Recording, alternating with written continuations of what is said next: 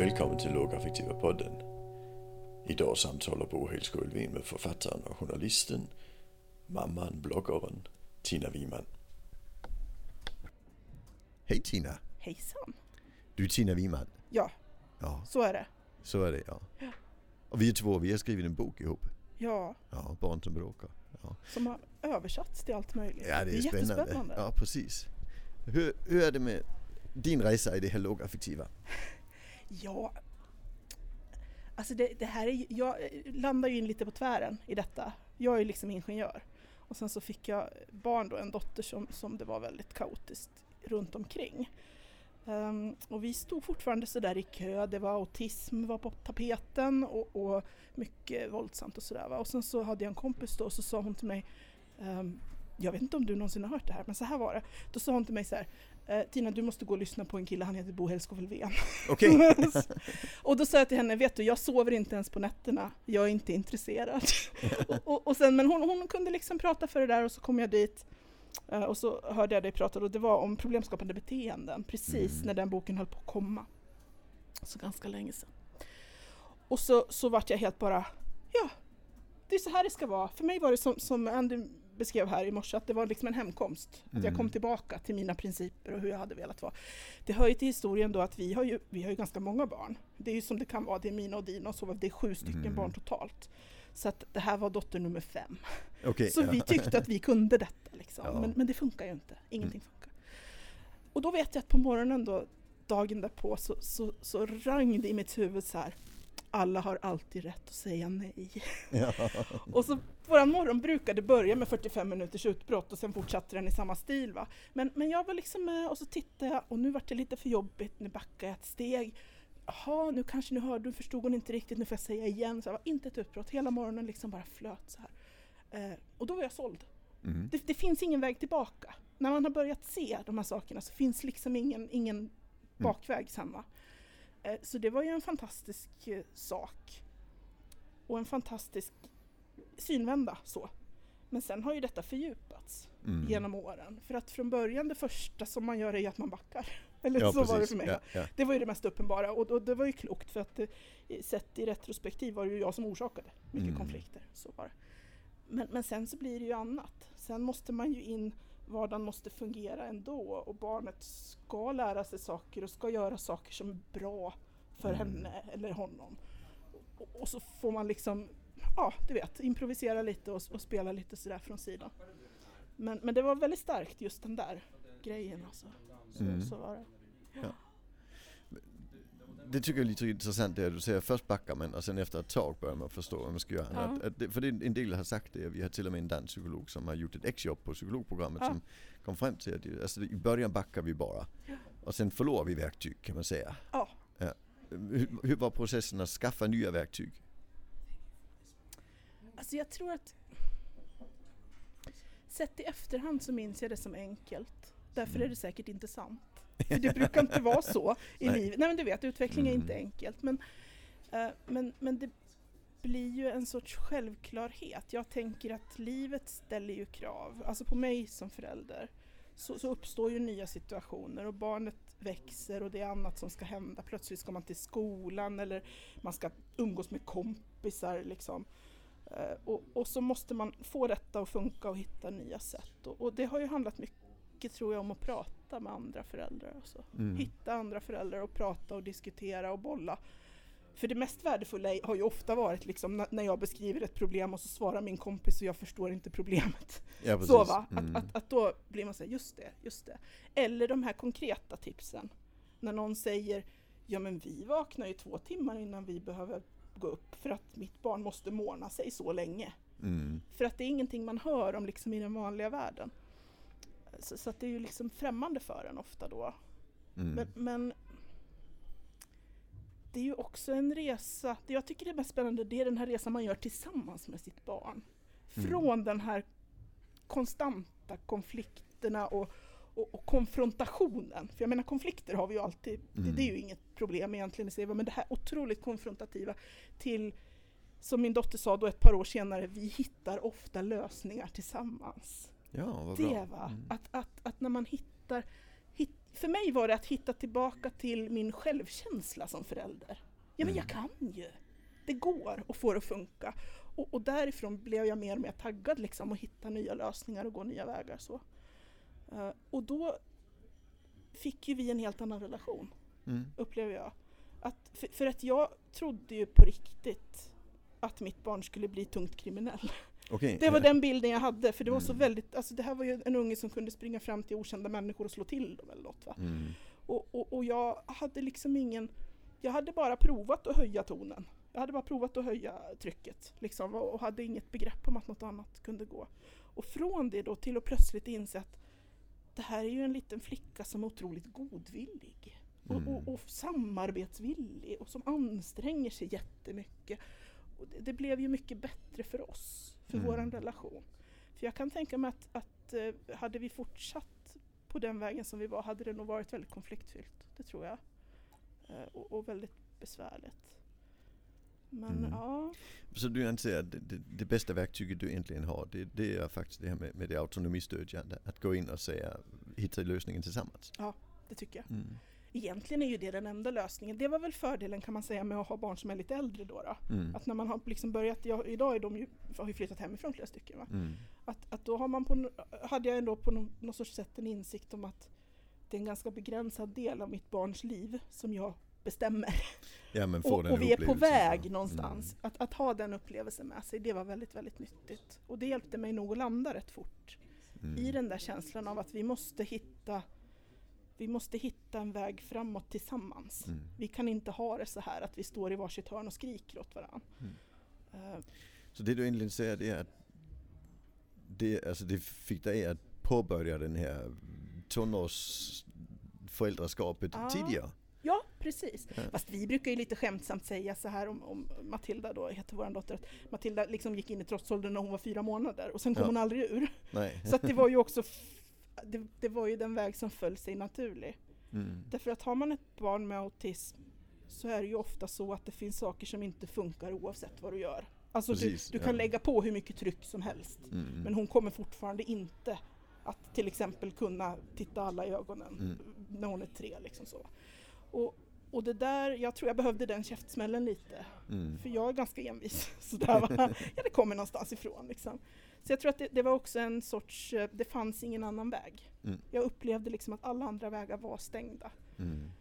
Och ska man få med sig någon då som inte kan samarbeta så bra, då måste jag bli jättebra på att samarbeta. Ja precis. Då måste jag liksom vara en riktig lirare va? Om, Mm. om de ska kunna spela med mig. Så att, men sen är det ju också en fråga om för mig upplevde jag att det var ganska lätt, för det var min grundläggande värdering. Mm. Och jag tyckte att jag samarbetade även innan. Mm. Men jag kanske gick för nära. Eller sa saker med en sträng Mm. röst och så sa hon tillbaka och så ökade jag. Och så, Mm. och så Det, det är också ett samarbete. det, det, ja, det är ju en sorts samarbete men det blev, blev inte så bra Nej. kan man säga. Mm. Så. Men det är ju väldigt viktigt att veta att vi har våra barns viljor till låns. Att det är liksom en liten individ som sitter här. Mm. Min, min egen mamma hon brukar säga så här att barn är inte dumma, de är bara erfarenhetshandikappade. Ja, liksom. Och det är inte så tokigt. Mm. Mm. För, för att det säger ju också att jag kan ju inte låta jag kan ju liksom inte låta en femåring med autism bestämma om vi ska äta eller inte. Nej. Så va? Utan Mm. jag måste ju se till att det händer på ett sätt och det blir någon sorts det, det faller ju tillbaka på ansvar och det förstår vi lätt när barnen är små, upplever Mm. jag. När, när barnen är små då är det ju så här, jag har 100% ansvar för att barnet äter och sover. Ja. Punkt, ingenting va. Men det, det tror att man inte tänker på så mycket och som jag liksom landar tillbaka i det att jag har fortfarande 100% ansvar när barnet är 17. Mm. Bara det att de klarar mycket mer av sig själva. Ja. Men när de inte klarar så måste mina 100% finnas där. Mm. Och så måste jag se till att det händer som är bäst ändå. Mm. Alltså som, Ja. som går va. Fast du säger då inte att det ansvaret innebär att du då måste tvinga i barnet? Nej, det, ju, alltså det, det går ju inte så bra. Nej. Framförallt. Så det är ansvaret men, men, Men det är metoden ju, det är ju måste ansvaret att få det att fungera. också... Mm. För att Ja det det, kommer ju en gräns när man inte kan tvinga. Och har man ett Mm. barn som är ganska våldsamt så infaller den ganska fort. Den det. En ja. 7-8-åring som är väldigt våldsam, det går väl an. Men en 10-åring alltså, det är inte Mm. lika lätt. Nej. Det är inte det. Så att, Sen tycker du så att hon gick i trotsåldern när hon var fyra månader. Ja. Jag tycker trots är väldigt roligt för det att vi kallar det ju trots när hon är två. Men, Ja. men du, det du inte ens säger det är att därför var vi tvungna att ha en, en, en pedagogik eller en föräldraskap som vi har kring en, en 17-åring. Ja, precis. Och där kallar vi det ju inte trots, där kallar vi det ju självständighet. Ja, men jag är ju själv ganska trotsig va. Så det där var ju inget jätteproblem. Nej men det är sant, jag tyckte inte Mm. det var problematiskt. Min man då, han, eh, Conny alltså, han, han, han har ju Aspergers syndrom också. Han, han sa, det är något fel på den här ungen. Så, så va. Och, men, men jag tyckte inte det var problematiskt utan jag förväntar ju mig att hon ska ha en egen vilja. Mm. Och sen är det mitt jobb att få till det. Men ändå hamnade vi ju så småningom efter några år i liksom en sorts våldsspiral skulle jag vilja säga. Mm. Alltså där det var handgripligt, vi lyfte iväg och höll hårt Mm. och, och, och, och skrek åt varandra. Liksom. Så att, med de bästa intentioner höll jag på att säga kan man hamna väldigt snett ändå. Mm. När man inte har bättre verktyg. Ja precis. För att det hjälper inte att ta ansvar när vi inte vet hur vi ska göra. Nej. Det, det gör ju inte det. Mm. Så ja, Nej, så, så det hänger ihop liksom. ja det gör Ja, det. ans, ansvar och metod för att det ska Ansvar och bli bra. metod. Mm. och ansvar. Och, men det handlar ju också lite grann om vad ska man säga, själv, självinsikt. Mm. Eller självkänsla eller att, att stå i sig själv på något vis. För att Alltså jag träffar ju jättemycket föräldrar och jag reflekterar ofta över hur besvärligt de har när, när barnen ropar saker Mm. jävla hora liksom. Och då, ja, min reaktion blir ju så här när jag heter Tina, du vet så va. Ja, mm. Det, är ju inte, det ändrar ju ingenting, alltså att en 17-åring har en dålig dag Nej. ändrar ju inte mitt, mitt värde. Nej. Alltså vi behöver ju kunna vara lite övertygade i oss själva om att vi fixar det. Då tror jag det går mycket bättre. Mm. För, för man blir inte lika stressad. Men när det blir sådär väldigt våldsamt och man inte ser, jag menar när man ser, sin fram, ser barnets framtid som tungt kriminell, då upplever man inte någon kontroll. Nej. Det, det, det kan jag garantera, för där har jag varit. Så, så är det Mm. inte. Va? Eh, Men det är mycket, alltså när man inte...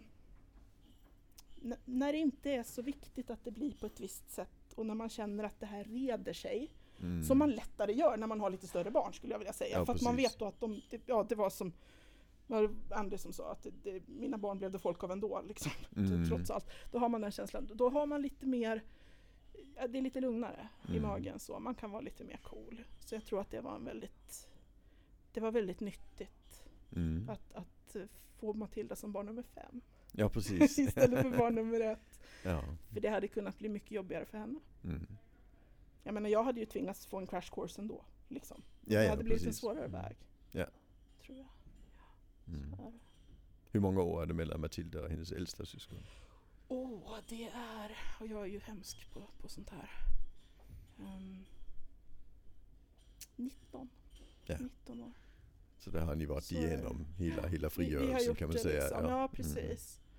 Och det är ju... Alltså det är något jag önskar varje förälder. Mm. Faktiskt. Det är en stor gåva i livet när man plötsligt förstår att man inte bestämde. Att man Ja. aldrig gjorde det. Men egentligen aldrig gjorde det. Ja, precis. Utan att barnet bara gick med. Mm. För att man var vettig eller Mm. hade pondus eller de förstod eller Mm. alla de här skälen vi har till att göra som andra vill. Mm. Det är väldigt... Eh, det är ju inte bara frigörande och, utan det är också ödmjukande. Så. Ja. Ja. Så. Jo men det är det. Ja. Ja. Och det är ju... Det är ju fantastiskt tycker jag. Den här... Du frågade förut om min väg. ja. Ganska så snart i det här att hitta gemensamma lösningar Mm. så upptäckte jag den här fantastiska kreativiteten som uppstår. När, när hjärnan säger här finns problemet, så va. Mm. Och sen går det två timmar och så poff, så kommer jag plötsligt på att vi kan ha klänning utomhus om vi gör på det här sättet. Liksom? Ja, och, och, alltså man, man, Mm. får, man får, det är en väldigt kreativ resa där man Mm. hittar vägar som man kanske aldrig hade tänkt på för att man aldrig har behövt dem själv. Nej, för första tanken är att hon ska fan. Ja, hon ska, ja men det är Ja. klart, vi har ju en mall. Man gör så Mm. här. Man, man, man har på sig overall på vintern och man säger hej Mm. till, till människor och man pussar gamla tanter på kinden för att man är släkt med dem. Mm. Liksom. Ja. Och, och det var ju, insåg vi ju ganska snart att det ain't gonna happen. Nej, så precis. Ja. även om vi inte visste någonting om vad det Mm. berodde på eller så, så Mm. tog det ju inte så lång tid. Och då, då vet jag att min mamma hon sa till mig så här. "Eh, den där envisheten, hon, den ska du vara rädd om. För Mm. den kommer Matilda att komma långt på i livet. Ja, precis. Och det var ju också bra ord att ha med Mm. sig. Att jag behöver inte liksom trycka till henne. Nej. Mitt jobb är inte att kväsa henne. Mm. Utan mitt jobb är liksom att, att, att hjälpa henne. Mm. Klättra på den där spaljen Mm. och, och bli någonting. Så va. Mm. Och, och, Jag har ett litet trick och det är när vi får den där frågan vi inte har svarat på. Mm. Då är det nog fel fråga. Eller hur? Ja, för, för då blir man inte kreativ. Utan då får man tänka en annan fråga så att den kreativa Ja. lösningen kommer. För det är oftare lättare att vara kreativ på frågan än på svaret. Så är det ju. Så, så det är ett ganska bra trick. Det är ett Ja. jättebra Mm, trick. Mm. Och det finns ju mycket som inte, som inte är så problematiskt. Mm. Vi har, vi, det kommer ju en hel del barn och ungdomar hem till oss, eller några ibland sådär. Och, och jag vet att jag för inte så länge sedan, någon månad sedan, liksom satt och begrundade en kväll. Det, det blir så rörigt i den här matsituationen, hur ska vi göra? Jada, jada. Mm. Och, och jag kom inte på någonting. Och så tänkte jag, jag har skrivit en bok liksom. det måste finnas någonting. Så här. Nej, nej, det var tomt. Och sen så, och sen så liksom fick jag just den här aha-upplevelsen. Är det ett problem? Mm. Mina barn var vakna fortfarande, de stora, så jag, gick, jag gick och frågade. Hörni, den här situationen och, och det här barnet, det här och så. Det, vad, vad tycker ni om det här? Nej, det är väl inget problem. Så de, de hade liksom ingen... Det var bara jag. Ja. Det var i min någon sorts överpedagogiskhet som ville ha Mm. detta till, till någonting. Och det var ju ett exempel på helt fel fråga. Ja, precis. För det ja. jag borde ha frågat mig var ju ungefär liksom, hur har vi det? ja, precis. Ja. Eller så. Mm. Men ja, ja, det är jättespännande. det är ja. det. Ja. Hur tänker du kring att, att ha ett barn med särskilda behov av framtiden? För jag får ibland frågan att men, men hur ska det gå om, om barnet liksom inte lär sig? Tänker vissa folk. Och jag brukar säga att man lär sig ingenting av att misslyckas. Men, men, men hur tänker du just när, när du har, för, du har en Ja, dotter som nu är på väg in i vuxenblivandet. Nej men jag tänker så här att det finns ju Det finns ju massa människor Alltså vi har ofta en bild av den perfekta personen Eller så Mm. va Men massa människor är ju inte inom den ramen och de kan ha bra liv ändå Mm. Men, men det tog mig några år att kunna skilja på Vad är min definition på ett bra liv? Mhm. vad är Matildas definition till exempel på ett Mm. bra liv? Eh, För att det är ju inte så självklart. Jag träffade en 16-åring. Han, han sa så här, jag ska bli eremit. Okej. Ja, Mm. ja. Jag ska bo i en husvagn, han. Han hade tänkt ut det väldigt noga. Det finns bidrag till sådana som mig, sa han. Han hade en funktionsnedsättning, han hade eh, autism. Och, och, och, så, och så ska jag bo där. Eh, och så kommer de, det finns mat man kan få utkörd. Ja. Så? Man kan ringa en pizzeria liksom. Ja. Mm. Och, och just det där att Alltså jag är ju väldigt social. För mig Mm. vore det inte ett bra liv. Mm. Men om man längtar efter att bli eremit, då kanske det är det man ska bli. Mm, precis. Så mm. tänker jag. jag. Då kan jag bekymra mig mer över, kommer samhället att möta upp? Mm. Det kan ju kännas bekymmersamt. Kommer, kommer mina barn att, att få förståelse? Kommer de att få vara de de är? Kommer de att vara i händerna på någon? Mm. Alltså för att det är ju inte, alltså det är ju mycket som händer eh, på boenden eller så som inte skulle räknas som misshandel i den vanliga världen ens, men som inte är bra. Mm. Där, där personal liksom har makt över livet på ett Mm. sätt som, som inte är rimligt. Det kan jag tycka känns besvärligt. Men sen tycker jag ju på allvar att mina barn är fantastiska. Ja. Det tycker ju Så föräldrar som allmänhet. ja. Så, Mm. så att det, det kommer nog att, att bli spännande och intressant att se vad de Mm. hittar på. Det är ju ytterligare en, en, en gåva av icke-kontrollen. Mm, precis. Att Mm. det är inte bara upp till mig hur det blir. Mm. Och jag är inte ensam, liksom, jag är inte den som bestämmer Mm. vad de kommer att välja i sina liv framåt. så. Men det är ju, det hjälper ju att ha, ha vuxna barn som har hittat Ja. sin plats i tillvaron liksom och har relationer och har vuxet liv. Liksom. Det, Ja. det hjälper ju. Ja, så jag tänker också ofta när, när mina barn var mindre trodde jag att de skulle bli större versioner av sig själva. Ja, eller hur? Ja. Och sen Men- upptäcker man att de blir ju helt andra människor det kommer till saker Ja. man inte har sett när de blir vuxna. Och så, ja eller hur? Mm. Vet jag, vi, vi har ju mittenpojken är 18. Så kom han och så sa han bara några månader sedan sa han, när jag var liten då ville jag bli vuxen för att då får man äta gu- mycket godis man vill. Och Mm. nu är jag vuxen och nu förstår jag varför det inte är en bra idé. Ja, precis. Ja, det sammanfattar väl rätt bra det där. ja. Mm. Och, så, och så plötsligt står de där en dag och så ska man ha en, en, eh, en vuxen vänrelation Mm. där man fortfarande alltid kommer att vara förälder. Ja, precis. Så det liksom. är en det, lite speciell det, relation. det är en ja. speciell relation. Mm. Det är jättehäftigt. Det är det. Mm. Ja. Men någonstans tänker jag också så här att alltså livet är ganska långt. Ja. Man kan man behöver inte, det behöver inte vara klart vad man ska göra den dagen man fyller 18 eller den Mm. dagen man går ut gymnasiet. Eller, det, det finns ganska många vägar och så är det liksom för vanliga människor och kanske Mm. i ännu högre grad för speciella människor. Att det tar ett tag att hitta vad man ska syssla med och det ska man kanske inte göra hela livet. Nej, Utan precis. livet kommer att innehålla olika perioder och element. Och, och, och det, det är inte bara trösterikt utan det är ett faktum. Ja, precis. Så, att, ja. att det är Mm. som det är liksom. Så. Mm. Men dina barn är ju äldre än mina. Känner Ja. du att du lyckades liksom? Det gick?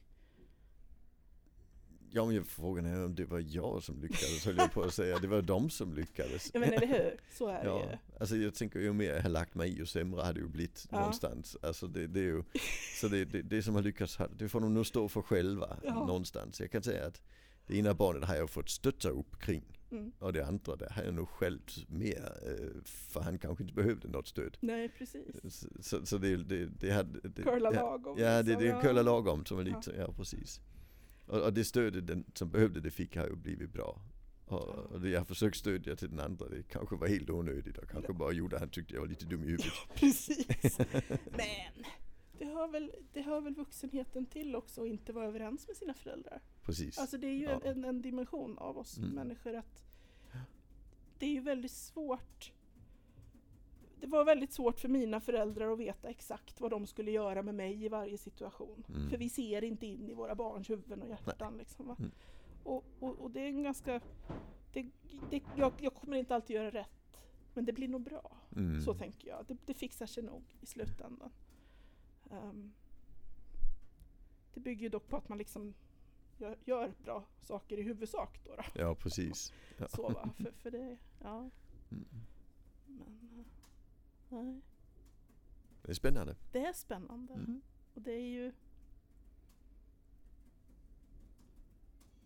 Det är en sorts, det är en sorts mental resa. Mm. För det upplever jag att hela föräldraskapet är. Alltså från att jag fick barn först Mm. och hade en sorts tro på att jag skulle göra det här barnet till en människa. Mm.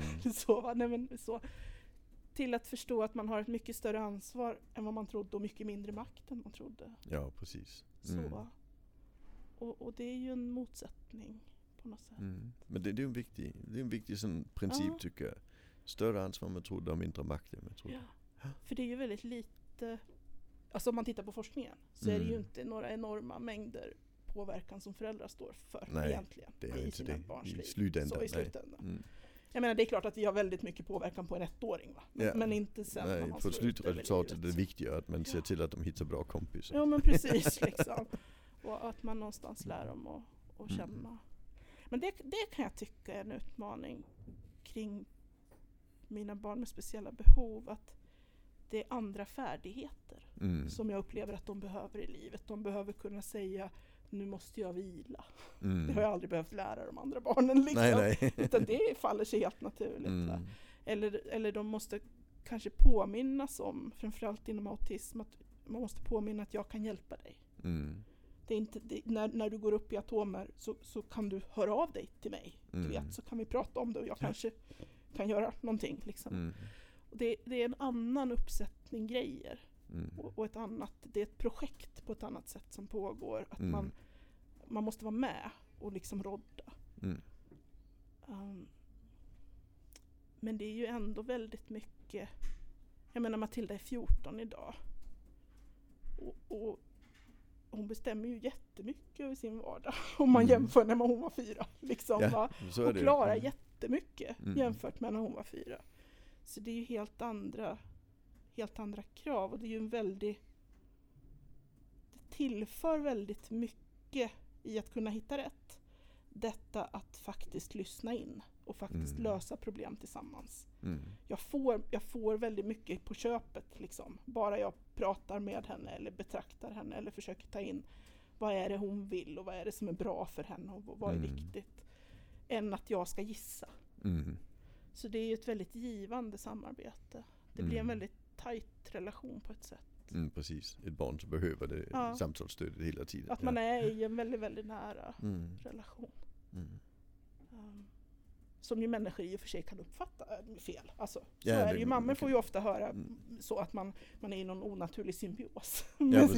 Men det är inte det det mm. handlar om, utan det handlar om att jag är ju det här barnets hjälp-jag. Ja precis. Mm. Jag är den personen som hon har lärt sig att man kan lita på Mm. i de flesta väder. För så Ja. skulle hon nog uttrycka det. Hon Ja. skulle inte säga mamma har rätt alltid. Mm.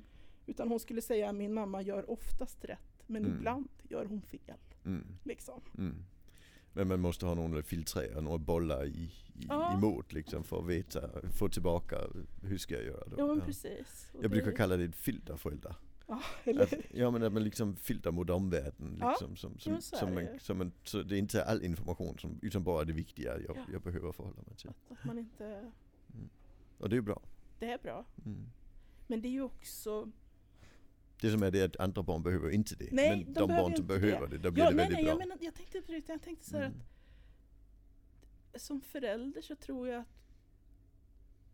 man måste liksom komma till ro med att man gör fel nästan hela tiden. Eller Mm, förstår precis, du? Det, ja. Mm. det blev inte så bra och, och man kunde ha gjort annorlunda och man skällde eller man, det vart inte rätt. Och, och, det är så. Mm. Att man, man behöver kunna stå ut med sin ofullkomlighet Ja, liksom. Mm. och ta nya tag och, Mm. och komma fram till att det, det, det får nog fixa sig ändå trots Mm. mig. Liksom. Sådär. För att Alltså lika väl som vi behöver ha ett lågaffektivt förhållningssätt kring speciella människor så tänker jag att det här förhållningssättet utsträcker sig till mig. Mm. Att jag måste kunna tänka så här om jag ska klara av att göra fel hela tiden, för det märks väldigt tydligt va, när man har Mm. barn med särskilda behov. Gjorde man minsta fel så poff, kantra Mm. båten då, istället för att barnet gnällde lite. Va. Då måste jag liksom kunna tänka, jag gjorde nog mitt bästa men det blev inte så bra. Ja, det är, det är en viktig tanke. Så, ja. Att man måste kunna, man måste kunna, Mm. eh, man, man får inte liksom hänga sin, sin eh, självuppfattning på att det blev fel. Mm. Så va? Utan man får liksom inse att det blir fel Ja. rätt ofta för Mm. de flesta. Sådär. Och- och- Ja, och- eh, Andy ja. brukar prata om, Andy McDonald brukar prata om det där med empati med sig själv och att till, alltså Ja. att, att förlåta sig själv. För att kunna gå vidare och förhålla sig till vad var det som, Ja som blev, hur precis. ska jag då göra? Ja. Och det är ju det Mm. som är den viktiga frågan. Ja. Vad ska jag göra istället? Mm. Eller hur ska jag se till att det är? Ja. Jag kanske inte liksom ska vara hemma ensam klockan halv elva på kvällen och försöka lägga barn som är helt uppspidade och vi har varit Mm. borta massa. Vi kanske måste komma hem tidigare. Ja. Vi kanske måste vara två. Vi kanske måste äta på McDonalds innan vi kommer hem för de kommer inte kunna äta. Alltså Mm. att vi gör en plan som liksom är konkret. Mm. Inte bara för vad barnen ska klara utan för vad jag ska klara. ja. Vad jag kan hantera. Mm. För att det spelar ju ingen riktig roll vem det är som faller ur. Nej. Utan går det på skit så gör det det. Ja, ja, så är det. Och, och, och så gäller det att resa sig Mm. och damma av sig lite. Mm. Ja. Men jag tror att det är det är ju ofta lite provocerande sådär för vissa människor om man säger barn gör rätt om de kan. Mm. Vissa människor tar det, tar, tar illa upp eller tar det väldigt personligt på något sätt.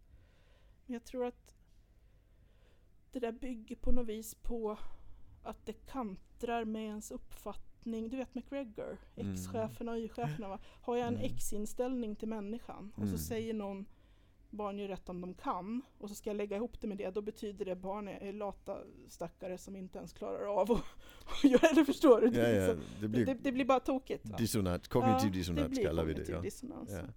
Så det hänger ju Och det liksom är på oftast en... den eh, dissonansen som gör att vi gör övergrepp, alltså att vi går över gränsen. Ja men precis. Ja, mm. Och vi är inte överens med oss själva. Ja. Framförallt Mm. står det ju för den här obehagliga känslan i mig själv. ja krockar. Gjorde ja. jag rätt nu? Mm. För det tycker jag inte egentligen. Det är inte det vi är helt överens med oss själva om som gnager oss. Ja precis. liksom, ja. utan, Mm.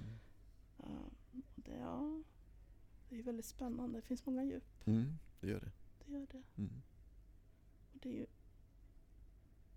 intressant detta tycker jag, hur man börjar se på sig själv. Mm. med, med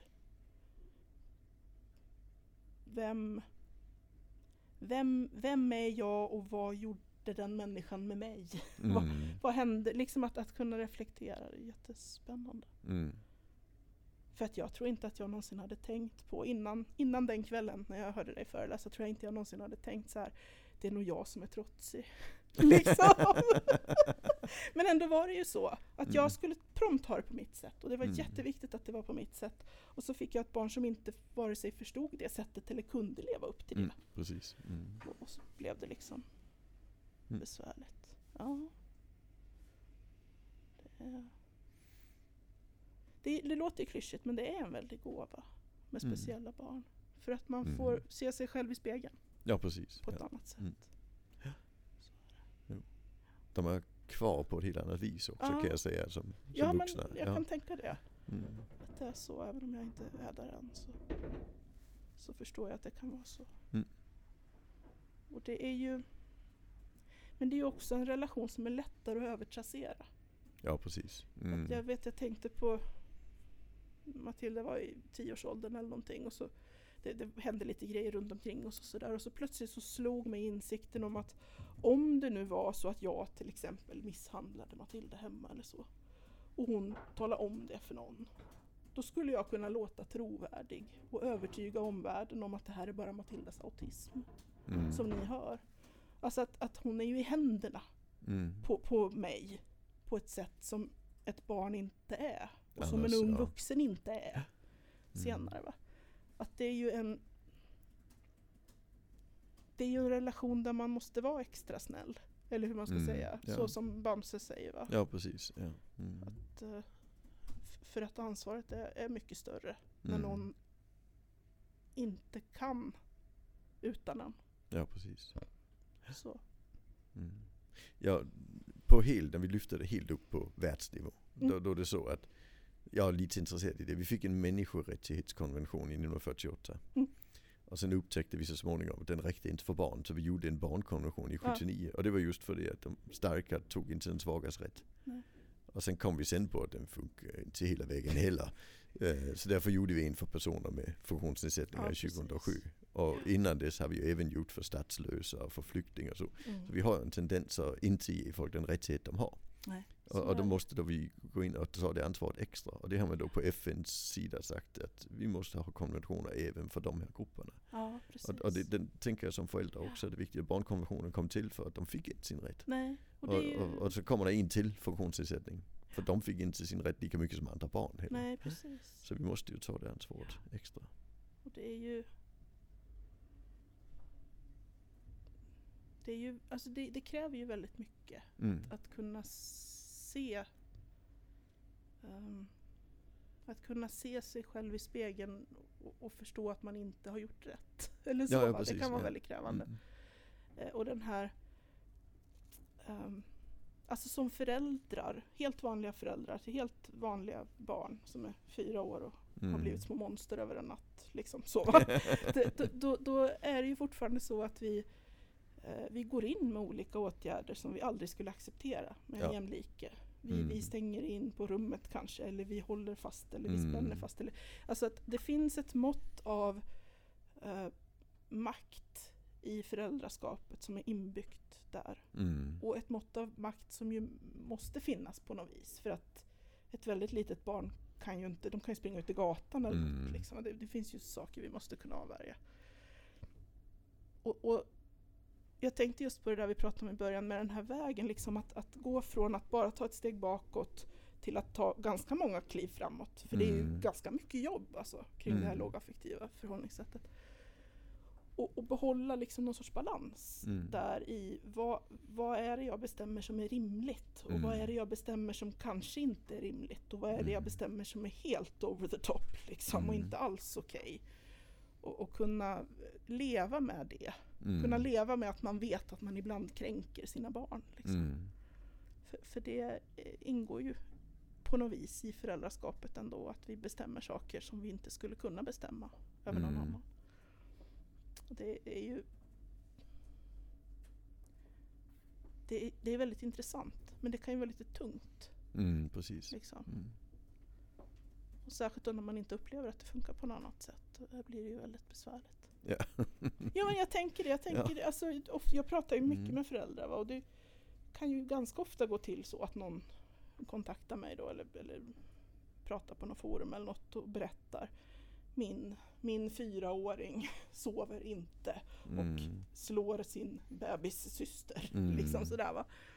Och så, och så tänker man, eller jag liksom känner väldigt med just det här att Mm. jag känner den här maktlösheten. Mm. Det är den grejen, att man inte, man, man vill så väl och man vill inte vara på det här sättet men man har ingen alternativ metod, man Mm. vet inte Mm. vad man kan göra.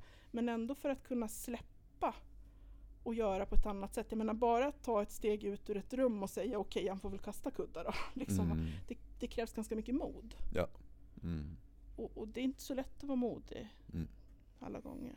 Men det intressanta är att då hänger man ju hellre kvar i maktlöshet på något Ja. vänster. Ja. Jo men eller hur, fast jag tror att Mm. de flesta de flesta människor, just när man får ett barn med en funktionsnedsättning så, då, då tror jag att de flesta, eller upplever jag att de flesta gör en sorts synvända. Mm. Men den kan ju ta tid. Ja precis. Mm. Det kan ta ganska Innan lång det kommer tid. på plats. Och sen är det ju en pågående Ja. sak. Mm. För att alltså, människor utvecklas ju, men barn utvecklas, utvecklas ju liksom fortare Mm, än, än vi vuxna. Va? Ja. Så att det som min unge kunde förra veckan kanske de kan helt själva den här veckan. Mm. Eller så kanske det inte alls går, för så är ju livet. Att Mm. rätt vad det är så har man inte ork och energi. Och, och, liksom så. och det där att hänga med i svängarna. Mm. Så jag brukar tänka att, att trots det liksom vad som uppstår när jag inte är med.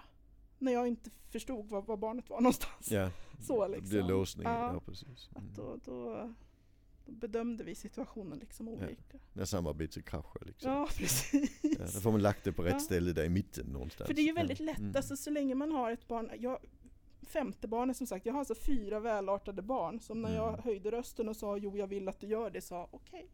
Mm. liksom? Och, och, och det, det är väldigt lätt då Mm. att få till det, men att hitta balansen, hur gör man och, och vad, hur sätter man någon sorts gräns eller hur det är ju inte, problemet är ju inte att sätta gränser, det kan vem som helst göra. Mm. Problemet är att upprätthålla dem. Ja, och hitta, Eller- eller- och flexa den Ja, ibland när det precis. behövs. Va? Och, och, och Mm. hitta liksom, vad är det? Så, så är det ju liksom oändligt mycket svårare att hitta den där gyllene punkten där det Mm. funkar.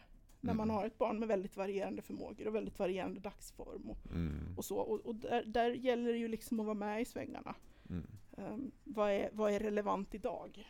Precis. Vad, vad, vilka krav funkar idag? Vad, hur ser situationen ut? Vad är det vi kan släppa på? Mm. Och, och då kan det ju kännas som att man är väldigt inkonsekvent. Jag träffar föräldrar som Mm. tycker att de är det. Men jag tycker att det är konsekvent att vara på barnets sida. Absolut. Jag tycker ja. det. Jag tycker att, att min inställning är att jag ska konsekvent vara på Mm. mitt barns sida. Ja, man kan också, jag gillar metaforer. Alltså man kan också tänka så att kör du på en gammal väg i skogen. Då det konsekventa det är att köra rakt. Mm. Medan vägen går inte där. Nej, Så, så det, det, det är Precis, bättre egentligen liksom. att följa det vägen. kan vara lite bättre att följa Ja vägen istället för bara så. köra, ja men jag, jag, Ja. det, pff, rakt Ja. igenom, det är det jag sysslar med. Det Så blir inte det. bra. Så man måste liksom följa vägen för Ja. att komma fram liksom. Ja, men så är det. Mm. Men Det finns ju ett mått av... Det finns ju en typ av konsekvens som man kan behöva ha när man har små barn med autism. Och, och du får gärna komma med inpass för jag vet inte riktigt vad jag ska kalla det. Men du vet det här same procedure. Ja. Att vissa saker händer på ett sätt för att gör man på ett annat sätt så kommer det vara ett prejudikat för evig tid. Mm. Att nu ska vi göra på det här andra Mm, sättet, Det ser vi en liksom, del i autism, ja precis. Ja. Ja. Och det går inte helt att avvärja med schema höll jag på att säga. Utan det, handlar, det är lite Mm. subtilt. Det är sådär, eh, Matilda drack sin eh, välling i nappflaska. Men hon drack aldrig choklad i nappflaska. För då visste vi att det skulle vara tjafs om choklad varje kväll. Mm. För det hade det blivit om något annat. Sådär? Ehm, att vissa, vissa konflikter kan man undvika genom att aldrig gå dit Mm. ens. Ja. Liksom. Och det är nog förvirrande tänker jag för många. När vi säger Mm. att man ska följa väglaget och man ska följa vägen och man ska göra det som, man, eh, ja, det som behövs liksom just nu. Att samtidigt tänka på att vissa saker funkar inte för vissa barn. Mm. Vissa barn kan inte hantera den graden av annorlundahet eller den graden av valfrihet. Mm. Men alltså jag skulle kalla det struktur. Ja, jo men eller hur. Det Och, där är det så om. väldigt spännande att øh, den här Wendy Golnick som är psykolog och har sysslat med det. Så hon säger att vi måste skilja på struktur och kontroll. Ja, För där det ofta tänker man konsekvent som kontroll. ja precis. Medan det hon säger, det, om det är välstrukturerat då handlar det om att då följer vi ju den. Och funkar inte det får vi titta på strukturen. Ja. Men däremot handlar det inte om det här med att gå in och kontrollera med konsekvens. Nej, precis. Så, så hög struktur men låg kontroll. Det är det vi ska ha fokus. ja, tycker hon. precis. Och då blir autonomistödet motsatsen Ja, till det- kontrollen. Det blir det. Men strukturerat autonomistöd är Ja. jättebra. För att det är ju, alltså, Det här bestämmer du själv för det kan du bestämma. Det andra bestämmer jag för det kan inte du bestämma. nej precis. Eh, Då liksom. har vi en autonomistödjande, tränande funktion. Och då har vi tagit 100% ansvar. 100% liksom. ja. Det är så det är. Mm. Ja, ja just det. Så är det ju. Tack för samtalet. Tack själv. Hej! Hej då.